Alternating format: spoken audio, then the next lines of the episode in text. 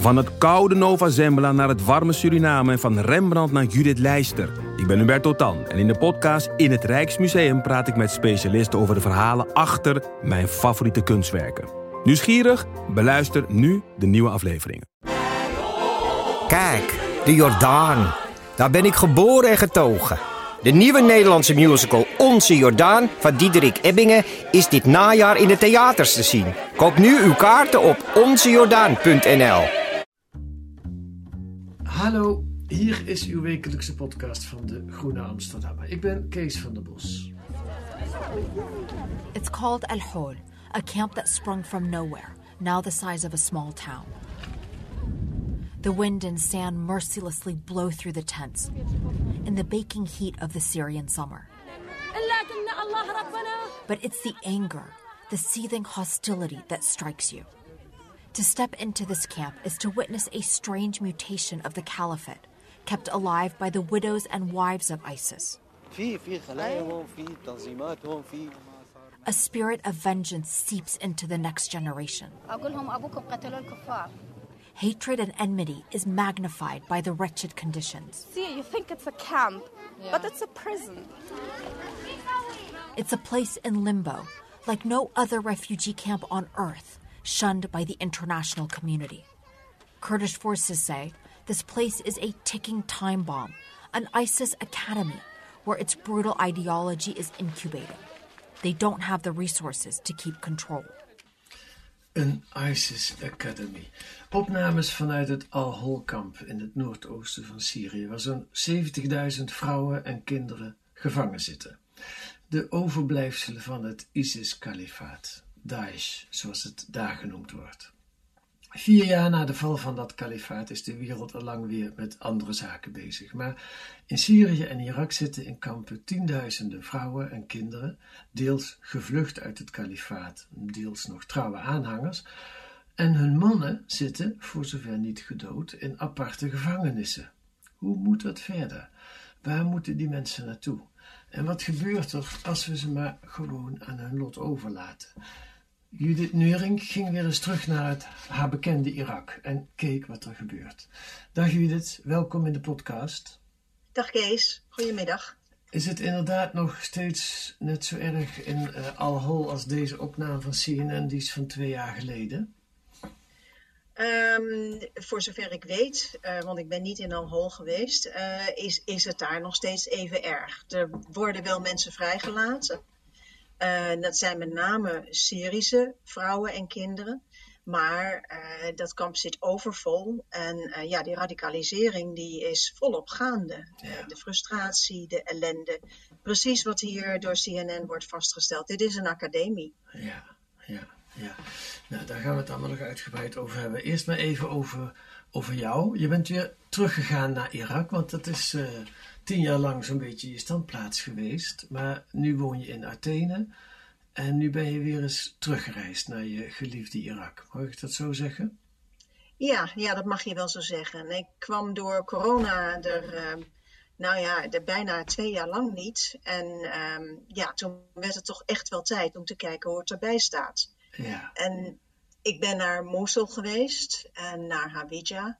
Ja. Uh, de plaats waar die Nederlandse bom is gevallen, uh, waar zoveel over te doen is, ook in Nederland. Ja. Maar het ging mij vooral ook over om het, het verhaal, um, wat ik eigenlijk al een heel aantal jaren volg. Het verhaal van ISIS en de radicalisering. En inderdaad de grote vraag, wat, wat gebeurt er met die vrouwen en kinderen? Ja. Die uh, ik al eens eerder in een kamp heb, heb opgezocht met hun heb geprobeerd te praten. Ja. ja. Wat gebeurt er met hen? Dat was mijn grote vraag. Ja, ja.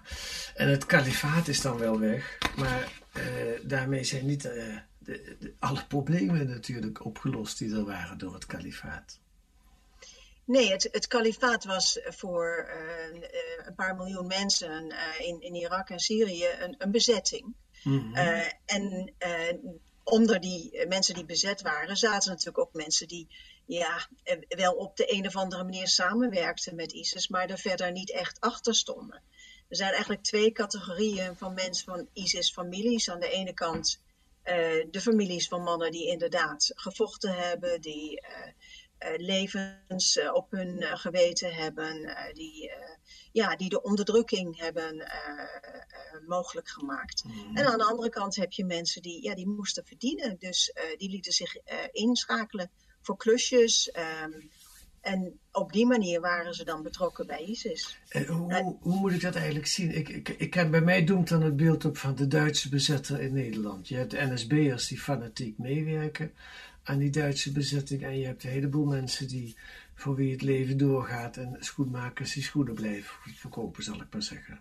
Ja, en ambtenaren die, die doen wat, ze, wat de Duitsers van hun verwachten. Ja, Dat is heel vergelijkbaar. Ehm, want ISIS heeft zich eh, in Irak in feite kunnen vestigen omdat ze de infrastructuur, eh, de bestuurlijke infrastructuur, gewoon gebruikten. Alles was er al.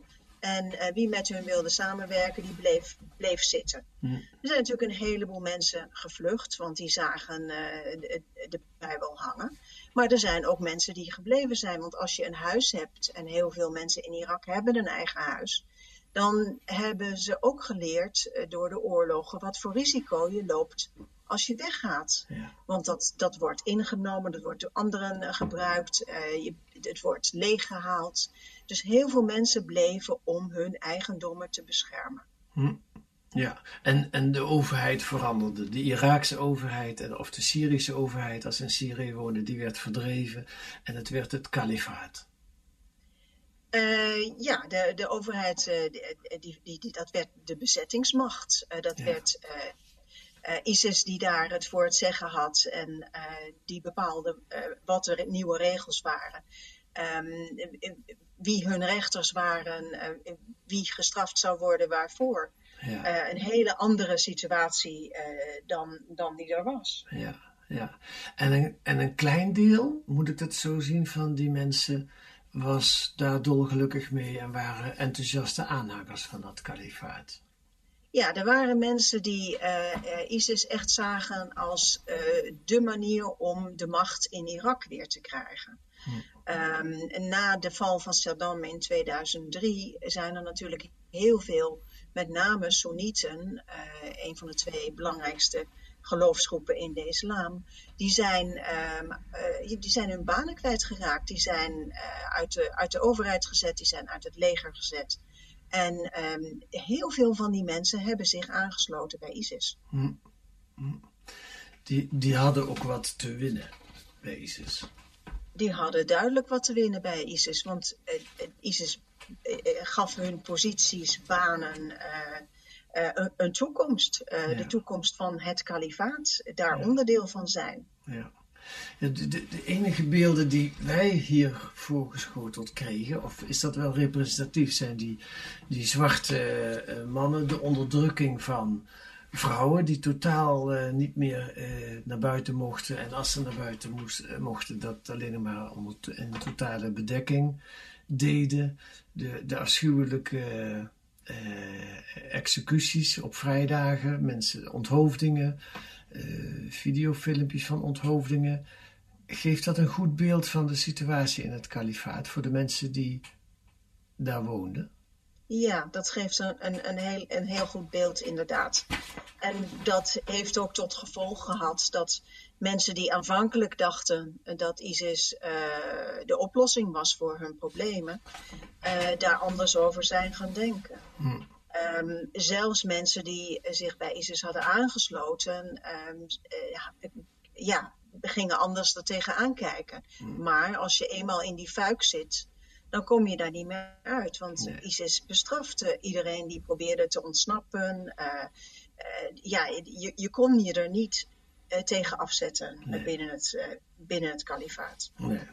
Oké, laten we een, een sprong maken. Op een gegeven moment wordt dan door, door internationale troepenmachten, door de Koerden, en door, wordt er een eind gemaakt aan dat kalifaat. Dat is een, een lelijke oorlog geweest, maar die is, die is verloren door ISIS. Ze zijn verjaagd. Hoe is de situatie nu? Wat zie je nu nog? Hoeveel verschillende kampen zijn er wel niet in, Isra- in Syrië en in eh, Irak? Ehm, dat, dat worden er steeds minder. Want inderdaad, in het begin waren er tientallen kampen. Eh, van eh, ontheemden. Veel van die ontheemden konden uiteindelijk met hulp van allerlei kanten toch naar huis omdat hun huizen weer herbouwd konden worden. Of ze konden misschien toch bij familie die terugkeerde logeren. Mhm. Maar de mensen die bleven in de kampen, dat waren over het algemeen over het algemeen de families die niet terug konden. Want je zag al heel snel uh, in, de, in de bevrijde steden dat mensen daar zeiden: Nou, die ISIS-mensen, die ISIS-families, die willen wij niet terug. Die vertrouwen we nooit meer. Hm. Uh, die hebben ons te veel uh, pijn aangedaan.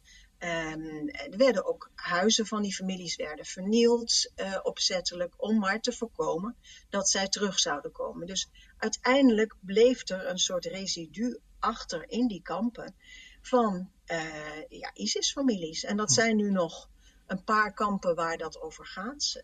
Um, maar de Iraakse overheid is heel erg bezig om die kampen toch te sluiten.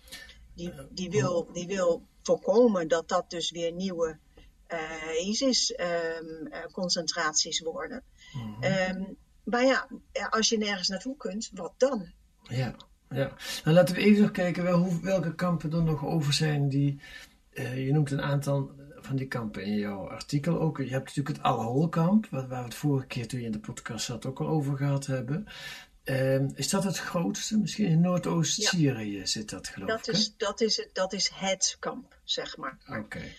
Uh, dat is een kamp waar 60.000 mensen bij elkaar wonen, uh, waarvan 30.000 uit Irak. Ja. Uh, en dat zijn families, inderdaad. Vrouwen, Ja. kinderen. Oudere mensen wonen daar ook, heb ik begrepen. Ja. Al-Rosh-kamp, dat is ook nog een bekende naam. Ja, nou ja, dat is, dat is, um, dat kun je bijna één adem uh, noemen met Al-Hol. Ja. Uh, alleen is dat het kamp waar uiteindelijk de mensen, de vrouwen en de kinderen naartoe zijn gegaan, waarvan de autoriteiten dachten dat er een kans was dat die minder radicaal zouden worden. Uh, daar zitten nogal wat vrouwen en kinderen ook die uh, Europese uh, en westerse banden hebben. Mm -hmm. en daar is een heel streng regime, namelijk zij mogen niet meer de geheel bedekkende niqab dragen. ze moeten, een hoofddoek kan, maar ze moeten zich verder wat, wat moderner gedragen. En daar wordt ook actief uh, aan deradicaliseringsbeleid gedaan. Ja, ja. Hoeveel mensen schat je dat daar zitten? Um, dat cijfer ontgaat mij op dit moment even, maar dat zijn er tienduizenden. Ja, ja, ja. En dan lees ik in jouw stuk nog het Hans, daar had ik nog nooit van gehoord, Hassassan, kamp. Wat is dat? Het Hassan Sham-kamp. Hassan dat is, Sham-kamp, oké. Okay. Ja, en dat, dat, dat zijn, de, er zijn meerdere kampen net buiten de Koerdische regio, of eigenlijk Mhm. mm -hmm. net in de Koerdische regio, waar uh, mensen zitten die, uh, waarvan de partners in ieder geval, want er zitten ook families, waarvan de partners al zijn berecht in Koerdistan.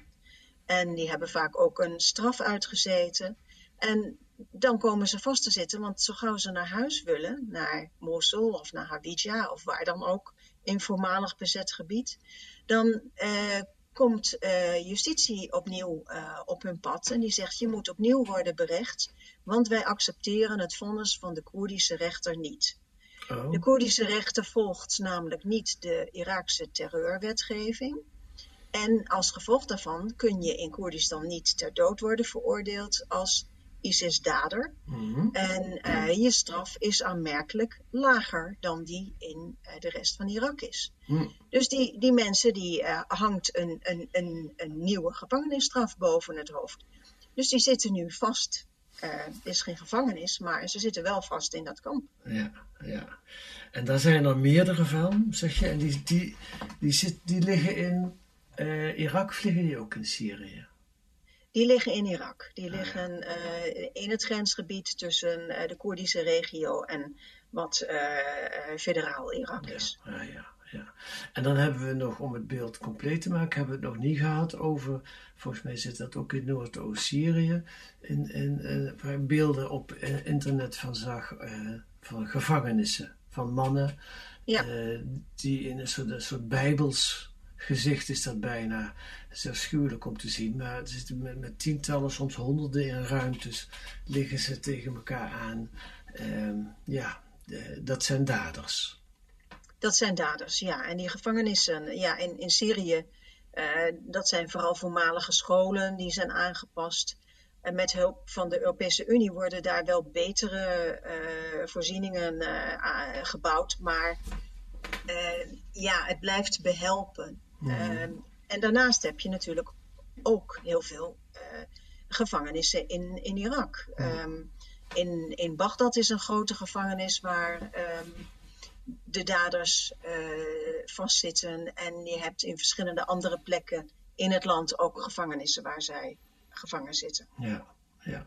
En dan doen wij in Nederland al heel krampachtig over die enkele tientallen ex-Syriëgangers die in die kampen zitten.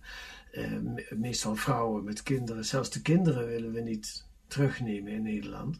Maar wat moet Irak met al deze mensen? Ja, dat is dus uh, de grote kwestie. En het probleem is wel een beetje dat uh, de overheid in Bagdad niet echt een visie heeft. Mm-hmm. En dat alle initiatieven die ik bij mijn reis tegenkwam, lokaal zijn. Mm. Um, dus wat er, wat er gebeurt is dat er bijvoorbeeld in een stadje boven Mosul een burgemeester tot de conclusie komt: ja, maar dit is heel gevaarlijk, hier moeten wij wat aan doen. Mm-hmm. En uit zijn stadje zijn nogal wat mensen die zich hadden aangesloten bij ISIS. En die dus bijvoorbeeld in Al-Hol, maar ook elders in, in die kampen in Irak uh, zaten. En waarvan hij heeft uh, gezegd van nou, die moeten we weer terug hier naartoe halen. Mm. En dat is een project wat, waarvan ik eerlijk gezegd wel onder de indruk was. Want hij heeft daar een aantal duizend gezinnen inderdaad uh, terug weten uh, te brengen. En hij heeft dat gedaan in overleg met de burgers, uh, de slachtoffers in feite, mm-hmm. die in, in dat stadje woonden. Dus ik heb nu in dat, in, daar in Mahalabia heet dat, ja. heb je buren die aan de ene kant slachtoffer zijn en aan de andere kant dader. Ja. En die toch op een goede manier naast elkaar wonen. Nou, je beschrijft Saif en Osama, twee buurjongens die samen opgroeiden, eh, waarvan de een een dader is geworden, Saif. Tenminste, dat is ook nog een van de problemen, dat de daders zeggen, niet, zeggen dat niet allemaal bijna. Ze noemen zichzelf al gauw allemaal slachtoffer, want dat lijkt, ja. uh, dat lijkt handiger om dat te zeggen. Um, en nu, uh, en Osama is blijven wonen, is de, heeft de bezetting meegemaakt, zou je kunnen zeggen. Uh, maar is niet geen actieve dader geworden. Uh, Seif. Oh, sorry. Uh, nee, oh. Seif, is, Seif is blijven wonen, Osama is vertrokken. Ook oh, zeg het verkeerd, oh ja. ja. Ehm, en nu komt, komt Osama weer terug. En Osama heeft zich met zijn, met zijn vader weer in, in hun huis uh, gevestigd. Ja. En, uh, ja, en, en, en Seif uh, is door de burgemeester, uh, ondanks het feit dat hij dader is, maar hij heeft zijn straf uitgezeten in Koerdistan en daarna nog een periode in, Ma in Mahalabia zelf. Mm -hmm. um, dus hij, hij is ook weer, ook weer thuisgekomen. Ja. Alleen toen ik er was, was Seif er niet. En dat vond ik wel heel typisch. Ja. Zij was inmiddels teruggegaan naar Koerdistan, waar hij werk had gevonden uh, in een uh, winkelcentrum. Mm-hmm. Um, en uh, ik voelde toch wel iets van dat het maar beter was ook, want dat hij toch niet echt werd geaccepteerd in, in Mahalabia. Ja, ja. ja, je beschrijft ook heel mooi hoe, hoe precair dat allemaal ligt. Hè? De, er wordt ook niet openlijk over gesproken door eigenlijk allebei de families niet. Nee, uh, dit, is, dit is een van de problemen die ik zie in dit soort, uh, ja, zeg maar bijna ongeorganiseerde uh, projecten. Mm-hmm. Dat er is geen echte verzoening. Nee. Um, als ik daarnaar vraag, en ik noem de voorbeelden van bijvoorbeeld Zuid-Afrika, wat voor ons natuurlijk het voorbeeld is van, van de verzoening. Ja. Um, dan uh, dat, dat bestaat niet. Sommige mensen realiseren zich wel dat dat nodig is. Mm-hmm. Maar ik kreeg dan ook te horen, dat is te, te pijnlijk. Wij vinden het te pijnlijk om dat te bespreken. Mm-hmm. Ja. Dat is heel, heel Iraaks. Hè? Want in Irak is het zo, als je Uh, bijvoorbeeld als er een familielid heel erg ziek is, dan zullen de dokters dat vertellen aan de familie, Mhm. maar niet aan, het, aan, aan, de, aan de patiënt zelf. Mhm. Die, die moet je sparen, dat is te pijnlijk. Mhm. Ja. ja, en aan de andere kant is het ook weer niet zo Iraaks in de zin van, ook in Nederland en in Duitsland is de echte verwerking van de oorlog ook pas tientallen jaren na eh, het einde van de oorlog echt op gang gekomen. Eerst de eerste 10, 20, 30 jaar na 1945 werd er ook over een heleboel dingen niet gepraat. Ja, nee, dat is, dat is waar. Maar in Irak zie je dat als je dat niet doet, dan hangt het volgende conflict hangt je boven het hoofd. Want een van de redenen waarom, waarom ISIS is ontstaan, is dat eh, er niet gepraat is, er niet, er niet op een goede manier verzoend is eh, na de val van Saddam. Eh, Saddam had de Soenieten achter zich en de Shiiten waren de vijand. En eh, daarna moesten ze met elkaar verder in, in, een, in een kapot land. Ja. En daar is geen echt verzoeningstraject geweest. En ik denk dat als dat verzoeningstraject er nu opnieuw niet komt, dat je kunt wachten op het volgende conflict. En dat verzoeningstraject, die visie daarop, die zou moeten komen van wie? van de overheid. Want als je dat niet vanuit een overheid stuurt, dan, ehm, dan gebeurt dat op het lokale niveau niet. Ehm, ik, ik heb een aantal voorbeelden gezien. ehm, eh, bijvoorbeeld wat niet in het, in het stuk staat. eh, eh, een, een jonge sheikh die zijn vader en zijn ooms verloren heeft aan ISIS. Maar wel eh, daarna eh, besloten heeft om de families van de daders, of in ieder geval de families van, van ISIS-leden, eh, weer terug te laten komen. En, en ook ervoor te zorgen dat ze op een goede manier met elkaar daar kunnen samenleven. Alleen, inderdaad, aan hem zei ik van ja, maar praten jullie dan? Doen jullie iets om ervoor te zorgen dat je, dat je, dat, dat dit iets, ja, dat, dat dit probleem uiteindelijk bespreekbaar wordt. Hij, zei, toen, hij zei dus tegen van nee, dat is te pijnlijk. Ja. Dat is voor ons allemaal te pijnlijk. Ja, ja, ja.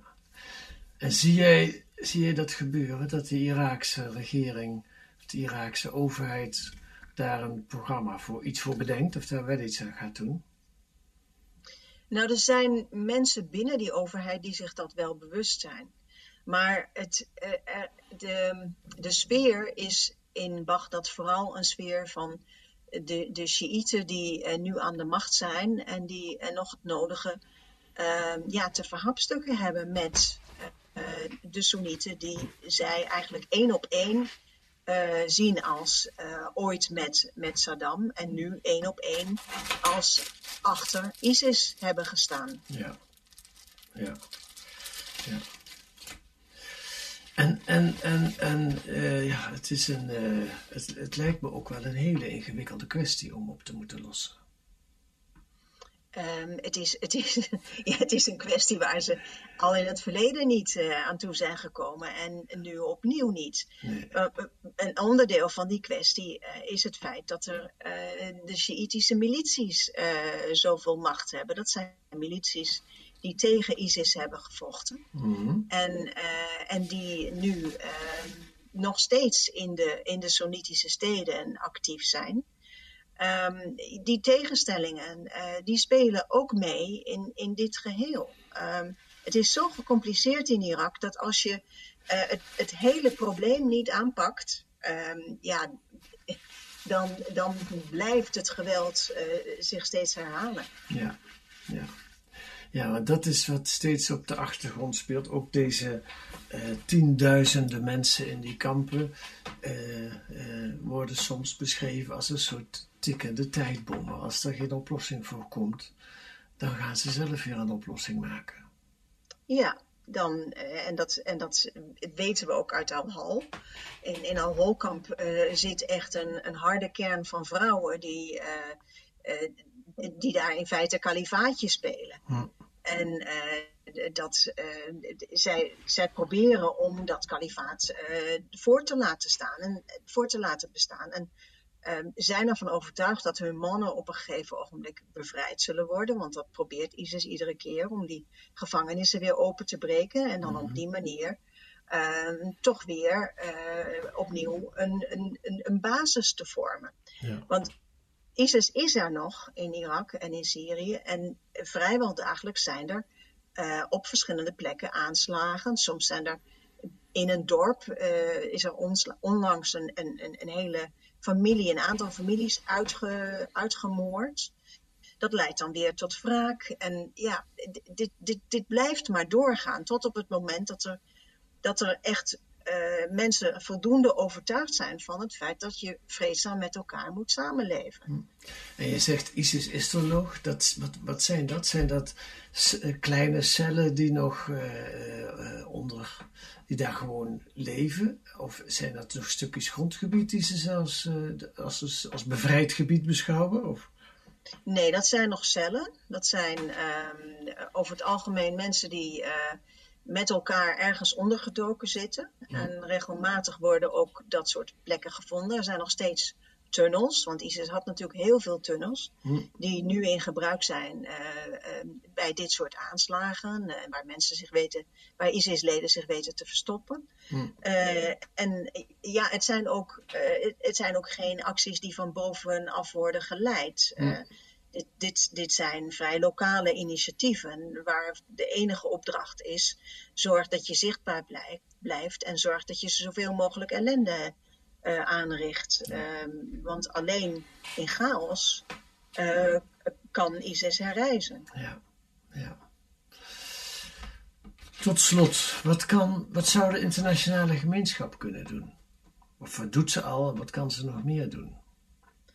En wat ze, wat, ze, wat ze nog meer kan doen, is in ieder geval zorgen dat uh, de, de eigen onderdanen uh, uit, uit Al-Holkamp worden weggehaald. Mm-hmm. Want, uh, en ook de eigen uh, onderdanen uit de gevangenissen worden gehaald om in eigen land te berechten. Ja. Want zolang zij in, in, in Irak en in Syrië zitten, kunnen ze, als die gevangenissen worden opengebroken. En dat is in het verleden gebeurd. Hè. Dat is in het begin van ISIS is dat een aantal keren gebeurd. En is, heeft dat een belangrijke rol gespeeld in, in de opkomst van die groep. Dus als, dat, als, als, die Europe, als die Europese strijders, die Russische strijders uh, daarbij zitten, dan, dan is dat een groot risico, omdat die hm. leidinggevende functies hebben. Dus die moet je daar kwijt. Hm. Ja, ja. Goed, uh, Judith Nurink, het is een weinig uh, opwekkend beeld, maar uh, dankjewel voor dit gesprek. Geen dank, Kees.